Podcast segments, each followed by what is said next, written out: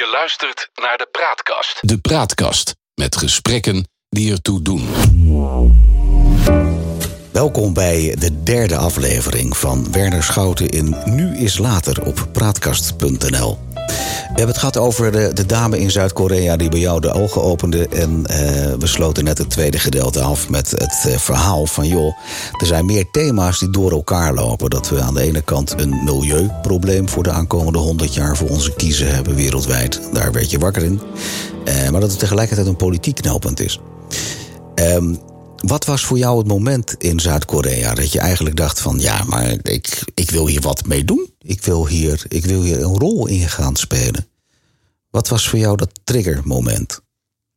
Dat je dus behalve de ontdekking van die wat oudere dame, vertaalslag maakte. Ik, Werner Schouten, kan hier wat mee.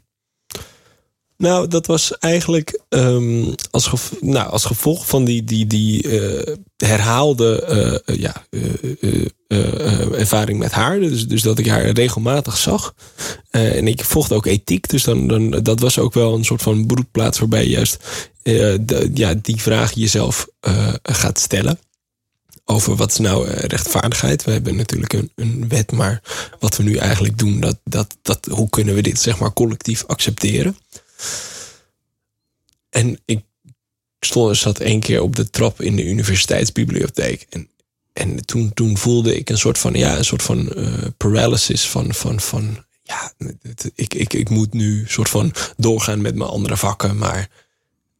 Het was niet relevant meer. Nee, nee dat, dat, is, dat doet er niet meer toe. Um, en en, en toen, toen dacht ik van ja, maar dit is soort van, uh, dit is zo groot. En, en het, het greep me zo erg gewoon uh, persoonlijk. Dat je, dat je gewoon, ja, een beetje, een beetje, um, ja, je was het gewoon even kwijt. Je dacht van, joh, um, wat, wat ik nu aan het doen ben met, met die vakken, dat, dat is niet wat de meerwaarde voor mij creëert. Um, uh, ik kan dit niet niet zien en ik, ik kan hier ook niet nu niks aan doen. En, en toen dacht ik van ja, daar moet ik mee aan de slag. Dus toen ben ik, uh, ben ik begonnen om een onderneming te starten en onderzoek te doen. Dat, dat las ik op jouw, op jouw site ook. Je bent toen eigenlijk ook uh, met een duurzame start-up bezig geweest. Ja. Uh, wat was dat? Ik bracht de CO2-uitstoot van bedrijven in kaart. Dat was eigenlijk namelijk uit de overtuiging dat je dacht van oké, okay, um, we moeten zeker in, in nou, het kapitaalkrachtige Westen moet je bedrijven juist helpen om een CO2-uitstoot van bedrijven in kaart te brengen. Ja uh, deze te helpen te reduceren. Zodat dus de schade zoveel mogelijk wordt gereduceerd.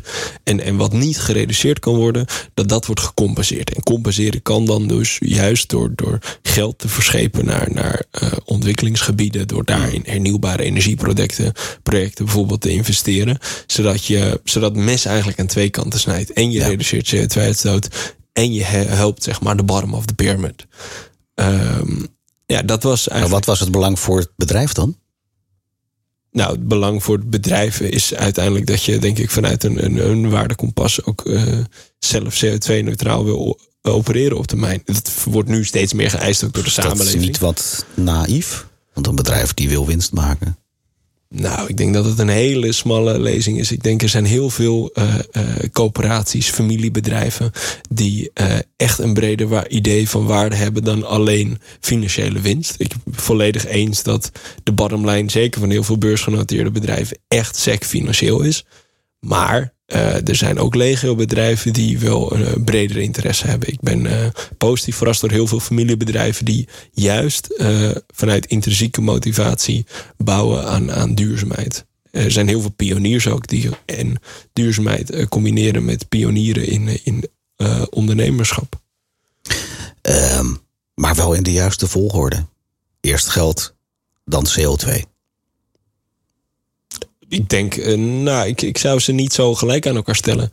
Uh, het een is een randvoorwaarde, inderdaad. Maar er zijn heel veel mensen die zeggen: ja, als ik niet duurzaam kan ondernemen, dan onderneem ik niet. Dan is het gewoon geen business case en dan ga ik het niet doen. Er zijn Lego-bedrijven, noem, noem een Triodos Bank, noem een Interface. Ja uh, Lego-bedrijven. Ik denk dat dat ook een soort van de volgende stap moet zijn. Dat we het niet meer normaal vinden dat, uh, dat je nu gewoon eigenlijk winst kunt ma uh, maken met roofbouw. Dat is ultiem nou, bizar dat we dat ja. accepteren als samenleving. Ja. Maar we gaan een beetje off-topic, want het gaat over jou. Uh, dus ik wil met alle plezier die discussie nog een keer voeren. Maar dan gaan we een andere podcastserie samen maken, Werner. Uh, maar die, die start-up, die, die ben je weer beëindigd. Uh, nou, ik ben, daarna ben ik uh, met een aantal compagnons in, in, aan de Universiteit Twente... ben ik daarmee doorgegaan. Ja. Ehm, maar ik kwam er wel al, al gauw achter eigenlijk... Um, dat, dat, dat, dat echt dat, dat ondernemen, dat vanuit de basis, vanuit, vanuit helemaal niks, zo'n heel, ja, zo'n hele onderneming optuigen, dat is um, iets waar mijn. Jouw ding niet. Het, het, mijn hart lag er wel, maar mijn, mijn krachten kwamen daar niet voldoende tot uiting. Nou, daar kwam ik na een paar maanden achter. En hoe kwam je erachter? Wat was, het, wat was hetgeen waarvan je dacht: ja, het is mijn ding niet? Nou, als, ik, is... je, als ik je goed begrijp, sorry dat ik je onderbreek. Maar als ik je goed begrijp, vond je de essentie, de gedachte achter die start-up wel degelijk uh, juist en passend. Ook wel bij, bij, bij, bij, degene wie Werner Schouten is. Maar ik begrijp je een beetje dat je zegt van ja, maar er komt eigenlijk heel veel bij kijken om een bedrijf te starten. Heel veel organisatie, heel veel logistiek, heel veel samenwerking met mensen. En dat aspect vond je minder interessant. Zeg ik het goed? Ja, nou, niet dat aspect vond ik minder interessant. Het is vooral inderdaad, het, ik moest uh, websites bouwen wat je zelf ontzettend lang duurt om er een beetje een aardig uh, resultaat uit te krijgen. Waarvan je weet van ja, als je het geld zou hebben, dan zou een ICT'er het binnen een, binnen, een, half binnen een halve dag ja. beter doen dan ik er in, in vijf dagen over doe. Ja. En, en dan, dan voel je gewoon dat je uh, niet volledig je capaciteiten uh, ten volle gebruikt voor dat duurzame doel. Dus de, het idee erachter stond ik volledig achter. Uh -huh. um, maar mijn, uh, laat ik zeggen, het hoofd was niet verbonden met het hart op dat vlak. -huh. En yeah. um, dat was voor mij wel, wel essentieel. En ik denk dat dat een terugkerende vraag is in mijn carrière hoor. Of ik daar dan um, goed aan doe. Of ik mijn capaciteit op de beste manier besteed. en toen ben ik verder gaan kijken. Maar het, wat is dan je ultieme doel nu? Want ik, ik, ik heb begrepen dat je voorzitter van de jonge klimaatbeweging bent. Um, was. Was. Verleden tijd. Ja. Doe je niet meer? Nee. Wat doe je nu dan? En nou, ik ben tot 1 oktober ben ik voorzitter geweest. Okay. Uh, uh, dat is een termijn van twee jaar en dat is statutair dan ook. Uh, dan moet je ophoepelen. Nee, dan, is klaar. Dan is voor zo'n jongere organisatie is het goed als er ook inderdaad andere mensen aan het roer komen. Ja, voordat je straks als 62-jarige nog steeds voorzitter van de jongerenvereniging Precies, bent. Dat, dat zou wat, moeilijk wat minder passend zijn. Ja. Nee, dus nu ben ik presentator bij BNR. Ik geef lezingen, ik schrijf een, een master thesis. Ik doe nog een aantal adviesfuncties bij onder andere TNO en de Vereniging van de Nederlandse Chemische Industrie. En ik werk uh, met de Impact Economy Foundation om uh, bedrijven niet alleen te laten sturen op financieel kapitaal, maar juist ook op brede welvaart. Maar dat, ik hoor zo al vier takken van sport voorbij komen. Heb ik goed zitten tellen de afgelopen 40 seconden? Ja. Oké, okay, nou kan ze niet allemaal meer opnoemen, maar het is blijkbaar veel. Maar het is toch een samenhangend narratief. Ik geloof je gelijk. Maar daar kun je van leven. Dat is, daar zit een verdienmodel voor jou persoonlijk in. Zeker. Het is gewoon een normale baan, zeg maar. Ja. ja. Um, maar wat is nou uiteindelijk jouw doel? Want je bent natuurlijk nog heel jong. Je bent 24 nu? 23, ja. 23. Je wordt 24 dit jaar, zeg ik het goed? Uh, dit jaar, 98, ja, dus je wordt 24. Dus, inderdaad. Maar die, die ben je precies jarig? 14 juli. Ah, dat, dat was een een Juliet. Precies, precies de helft van de Bastille. Ja. 1789. Uh, dat is een hele lange tijd geleden, beste Werder. Maar wat is jouw doel nu? Want je, zit, je bent op, op vier vlakken zo actief. Ja. Um, er zit natuurlijk een gemene deler in, dat snap ik. Maar waar is Werner over vijf jaar? Dan ben je straks 29. Ja. Tegen de 30 gaan, zeg maar. Wat doe je dan? Nou, ik, ik, ik heb die vraag mezelf ook wel eens gesteld. Maar ik, ik, ik ben geen fan van, van blauwdrukken voor, voor carrières. Ik, het is een soort van plan economische aanpak voor je eigen carrière. Uh, um, ik weet mijn, uh, dat wat mij niet. Uh, um, um, ja, wat ik, wat ik zelf niet fijn vind. Um, ik weet dat ik uiteindelijk wil bij, bijdragen aan, aan het ja, het verbreden van onze, onze ja, cirkels of, of moral concern is dat je, dat je we niet alleen verantwoordelijkheid gaan voelen in onze samenleving. Voor onze naasten, voor onze familie en onze vrienden. Maar dat we juist ook die, die verbreden naar, zeker vanuit de jonge klimaatbeweging heb ik daarvoor ingezet, toekomstige generaties. Want ja. wat wij doen bepaalt gewoon hoe, hoe het leven van jonge generaties in 2100 eruit gaat zien. En ik Mhm. verwacht er nog te zijn in, in 2100. En, en dat wij het niet toestaan dat wij gewoon zo gigantische roofbouw plegen. En de moderne slavernij in stand houden in, in elders. Dus, dus in, in, in plekken ver van ons vandaan. Wat we psychologisch heel makkelijk op afstand kunnen zetten. Maar dat we daar toch een verantwoordelijkheid voor gaan voelen. Dat zij daar ook uh, uh, welzijn ervaren en een goede kwaliteit van leven. Ja. Dat is mijn ultieme doel. En in welke vorm dat zich uiteindelijk. Uh, uh, um, in welke vorm ik daar uiteindelijk invulling geef in mijn carrière, dat is um, um, afhankelijk van de tijdgeest, wat er nodig is. Uh, dus dat, dat is een continue afweging die ik eigenlijk maak. Ik kan me voorstellen dat ik op termijn daar uh, ook politieke invulling aan ga geven. Het was mijn vraag. Zit er niet een toekomstig politicus tegenover mij? Dat, uh, ik, denk dat, ik denk dat het wel logisch is inderdaad dat, je, dat ook daar politiek uh, invulling aan, aan, wordt gegeven. Maar of ik dat dan ben of iemand vanuit uh, een, deze beweging die dit gedachtegoed ook onderschrijft, dat is een, een, tweede. Ja, maar we zitten voor jou hier. Dat Ja. is, de, we zitten hier in een podcastserie Nu is Later. Ja, maar ik zit er voor de beweging. Ja, dat vind ik heel, heel aardig en sympathiek van je. Ja. Maar uh, jij zit hier vanuit een, een gedachte dat Werner is Werner. En, en je geeft heel mooi aan van, nou ja, ik, ik wil daar toch echt een rol in spelen die ertoe doet. Dat er echt een, een koerswijziging komt. Je noemt, benoemt, vind ik heel mooi, alle maatschappelijke knelpunten die er tegelijkertijd liggen. Gerelateerd aan de klimaatcrisis. En je komt tot de conclusie dat, dat daar echt op politiek niveau iets veranderen moet. Ja. Nou, dan kan ik alleen maar zeggen, 1 en 1 is 2, Werner. Ja, nou, voor mij geldt dat dus niet. 1 en 1 kan 2 zijn, maar het kan ook iets heel anders zijn. Omdat, zeg maar... Benoem mij dan eens die andere kant. Wat, wat, voor, wat voor andere koers zou er dan moeten zijn? Je benoemt net van, nou ja, een blauwdruk vind ik een beetje lastig. Ja, het zou ook eens kunnen zijn dat je een, een, een, een denktank ontwikkelt... die juist inderdaad die politieke de ideeën ontwikkelt... maar niet zelf die uh, politieke ideeën dan implementeert als politicus zelf. Zou je dat niet frustreren dan? Want het zou betekenen dat je een, eigenlijk een adviserende rol hebt... Ja. maar tegelijkertijd uitvoerend niks in de melk te brokkelen hebt... om het zo te mogen uitdrukken. Nou, ik denk dat er een hele. Ik ben zelf, uh, ik, als, als voorzitter van de Jonge Klimaatbeweging had ik uitvoerend ook niks in de melk te brokkelen. Maar ik denk dat je dan nog steeds een rol van betekenis kunt spelen. En ik denk dat het uiteindelijk soort van. Ik zou niet het individu eh, daarin soort van voorop willen stellen. Het is belangrijk dat je gemotiveerd wil, uh, bent en dat je doet waar je, waar je krachten ligt. Maar uiteindelijk is het ook een soort van ten dienstenstelling aan een maatschappelijk doel. Maar als we dan even omkeren. Het is niet dat ik doe, uh, um, uh, um, de soort van dan inderdaad politicus worden als, als soort van hoogste doel. Nee, het is niet een doel op zich. Dat, nee. dat, dat begrijp ik ook wel. Maar, maar als ik hem eens omkeer. Je, je bent twee jaar lang uh, voorzitter geweest van de jonge klimaatbeweging. Wat, is, wat, wat heb jij in die twee jaar bewerkstelligd? Wat, wat is er echt in essentie veranderd? Kroon op mijn werk is dat er een generatietoets op basis van brede welvaart in het regeerakkoord is opgenomen. Waar wij voor hebben gepleit. Is dus dat eigenlijk. Ja, het is eigenlijk bizar om te denken. Het wordt altijd met, met mooie uh, woorden benoemd dat de jonge generaties de toekomst zijn. Maar bij belangrijke beslissingen wordt helemaal niet getoetst wat gevolgen is voor brede welvaart van jouw kinderen of de kinderen van de luisteraars. Uh, ja. Of we nou Lelystad Airport openen of boren naar gas onder de Waddenzee. Wordt niet getoetst op wat dat doet voor onze samenleving in 2050, 2070 of 2100. Nou, dat is natuurlijk bizar. Terwijl we aan de, aan de voorkant wel zeggen dat jongeren zo ontzettend belangrijk zijn. Nou, wij hebben dus voor gezorgd dat er een generatietoets is opgenomen in het regeerakkoord. Waarbij dus bij belangrijke klimaatbesluiten wordt getoetst van... hey, wat is nou de gevolgen van brede welvaart voor jonge generaties op de lange termijn? Dus niet alleen financieel, maar dus ook menselijk, sociaal en natuurlijk kapitaal. Um, zodat je uiteindelijk ja, toewerkt naar ervoor zorgen dat we zowel in het hier en nu brede welvaart kunnen ervaren als uh, toekomstige generaties in 2100. En dat betekent dat dat er echt toe doet? Of is het een, een soort kleine kanttekening? Oh ja, we moeten de, dat ook dat advies nog laten meewegen.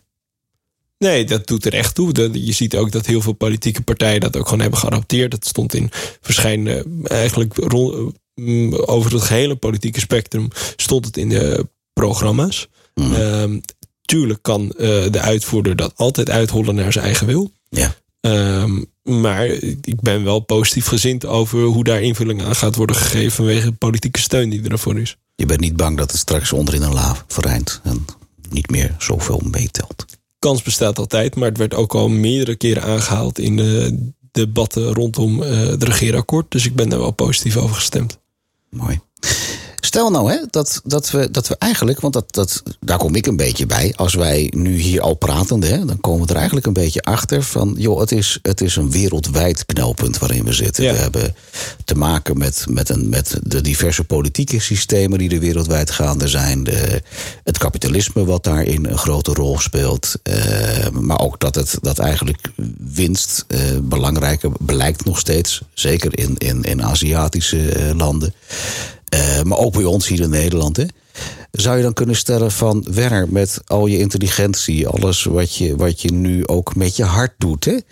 dat je ook eigenlijk erheen moet van misschien moeten we het eens op een nog hoger plan trekken. En, en ik ga zelf een denktank beginnen. Ik ga eens een denktank beginnen van hoe kunnen wij nu vanuit mijn generatie, die jij dan vertegenwoordigt, ervoor zorgen dat we, dat we er echt iets aan gaan doen. En niet voortbouwen op iets wat er al is. Wat je ook heel mooie lezingen bijvoorbeeld schrijft. Dan ga ik eventjes voor de mensen thuis even uh, vertellen. Wat, wat uh, Werner heel mooi doet. Is dat hij eigenlijk ook een beetje concludeert van ja, we kunnen ook wel uh, zeggen, we gaan alle auto's elektrisch maken. Om dat als voorbeeld te mogen nemen. Maar eigenlijk moeten we in essentie terug naar de vraag: hoe komen wij van A naar B? In plaats van iets wat al bestaat te elektrificeren. Nou, dat kun je als plaatje natuurlijk heel breed trekken. En die vind ik heel mooi aan je. Maar dan denk ik, joh, jij bent nog jong. Dus er is een hele lange aanloop naar een vraag. Maar is het niet zo dat je, dat je, dat je eigenlijk daar een rol zou moeten oppakken? En dat je zou moeten zeggen, ik ga er echt wat aan doen. Ik ga echt eens een denktank vormen om het in de, in de meeste basis te kunnen aanpakken de, dat idee over een denktank is iets wat, me, wat mij eh, zeer aanspreekt. Uh, dus dat is iets waar ik eh, zelf ook zeker mee bezig ben om juist dat denken verder te brengen. En, en dat juist zeg maar dat concept van het belang van brede welvaart boven sec financieel kapitaal creëren. Uh, dat is iets wat, wat centraal staat in mijn denken. Um, en, waar ik dus ook zeker een, een politieke agenda, uh, uh, een politieke idee over, over wil ontwikkelen. Samen met andere mensen. En ook in de toepassing in bedrijfsleven trouwens. Mm -hmm. um, maar ja, ik, ik, ik vraag me af wat je bedoelt met zeg maar vanuit de basis het opbouwen. Ik bedoel, vanuit de basis opbouwen, dat, dat wat, wat we tot nu toe doen, en dan heb ik het over we heel breed, hè, dus niet alleen Werner. Maar wat we heel breed doen, is eigenlijk het, het, het, het op het oude systeem doorbouwen en daar nuanceringen op aanbrengen hoe het anders zou moeten. En ik denk dat we, dat we, daar hoor ik ook een beetje in jouw verhaal, dat we juist naar een, een denktank zouden toe moeten waar het eigenlijk in de basis alles tegen het licht gehouden wordt. Van hoe, hoe leven wij eigenlijk samen? Wereldwijd. Dat is een heel groot punt, hè? maar hoe leven wij nu samen? Wat is, wat is nu de essentie om, om meer kracht te zetten achter het, het menselijk welzijn in plaats van de welvaart? Wat overigens ook bij de missie en visie van de praatkast past, maar dat is een ander verhaal.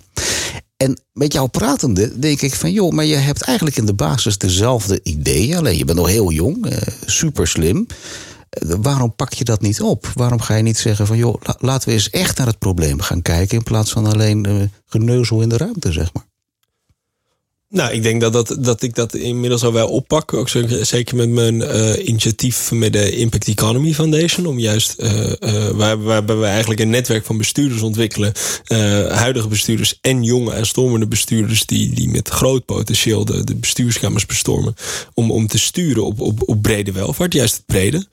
Um, en tegelijkertijd dus ontwikkelen van hoe zou je eigenlijk je maatschappelijke instituties vorm moeten geven om uiteindelijk dat brede welvaart bovenaan uh, uh, de prioriteitenlijsten te zetten. Want nu is het eigenlijk gewoon, wat we de facto nu aan het doen zijn, is gewoon wachten tot er een verdienmodel is voor iets duurzaams. En dan gaan we iets uitrollen. Je ziet het met hernieuwbare energie. Je ziet het met elektrische auto's. Ja. Um, ja, wat natuurlijk bizar is, want uh, zo snel kunnen we geen verdienmodellen ontwikkelen om onder die anderhalve graad te blijven.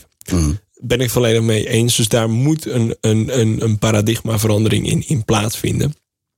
Maar ik ben wel um, van overtuigd. Ik zie mezelf altijd als een, wel als een constructieve rebel. Je kan niet, is dat je enerzijds rebellerend bent en niet aanneemt hoe het huidige systeem zich organiseert. Maar je bent wel constructief als in dat je opbouwend bent. Dat je wel een, een, een je kan, je kan namelijk volledig in, in isolatie een, een, een, nieuw samenlevingsmodel bedenken. Maar als dat niet aansluit bij de huidige uh, uh, uh, geen, geen soort van aanknopingspunt vindt bij de huidige samenleving, dan is het nog steeds van weinig waarde. Omdat je gewoon mensen dan geen perspectief geeft om die overgang te maken. Dus daarom vind ik ja, zo'n constructieve rebelhouding ja, elementair aan, aan de ideeën die je ontwikkelt in zo'n denktank ik volg je zeker. Ik ben het ook uh, grotendeels eens met je. Maar tegelijkertijd zou je ook kunnen redeneren van... nou, we gaan het juist wel doen. We gaan daar eerst in een soort bubbel zitten. We gaan daar op basis van alle kennis en wetenschap die we op dit moment hebben... gaan we eigenlijk een soort advies brengen. En dan gaan we het weer kijken van in hoeverre is het nu realistisch? In hoeverre kunnen we daar die stappen maken? Zou toch ook een mooie idee zijn? Zeker. Uh, ik denk dat je dan misschien even...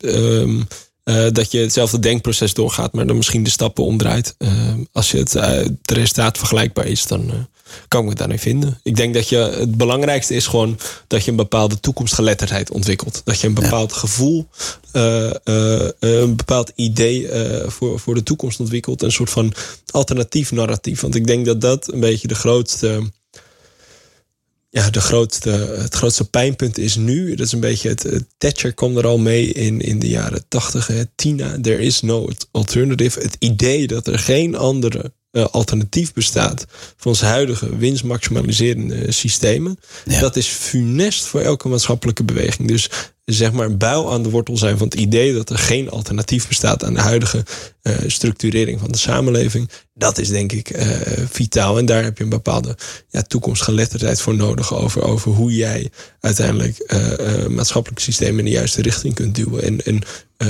principes op basis van brede welvaart, mensenrechten, parlementaire democratie, waarop je je samenleving wil vormgeven. En daar zeg je nu exact wat ik in feite ook zei. Alleen je zegt het veel mooier dan ik het had kunnen zeggen. Dus dank je wel daarvoor. Werner, dank je wel voor, het, uh, voor jouw medewerking aan uh, deze aflevering van Nu is Later. Um, is er misschien een vraag geweest die je verwacht had, maar die ik niet gesteld heb?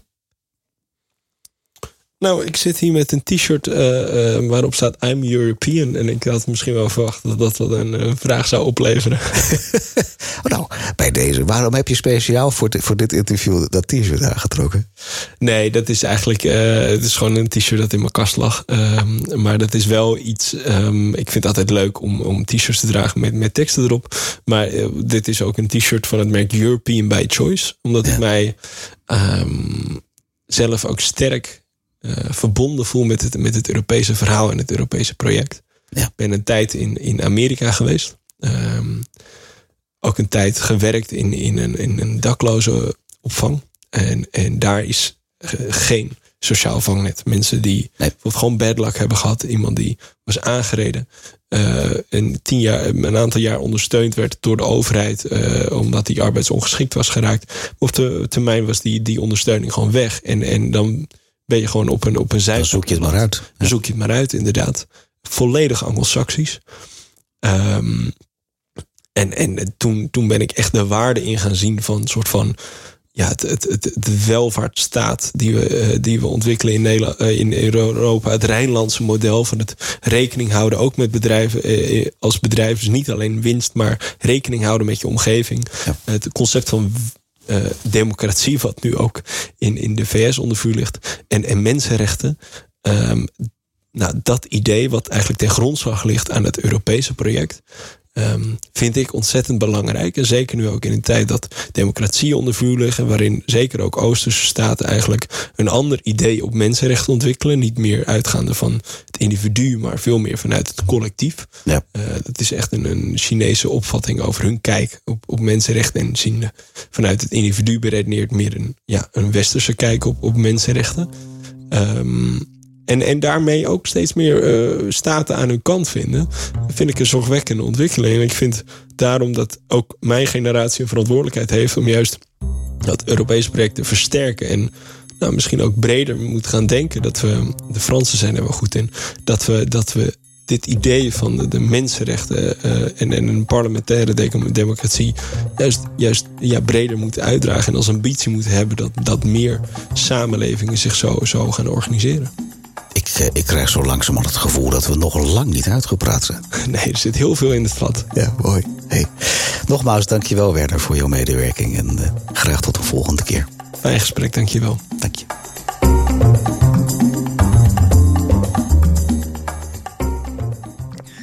Je luistert naar de Praatkast. De Praatkast met gesprekken die ertoe doen.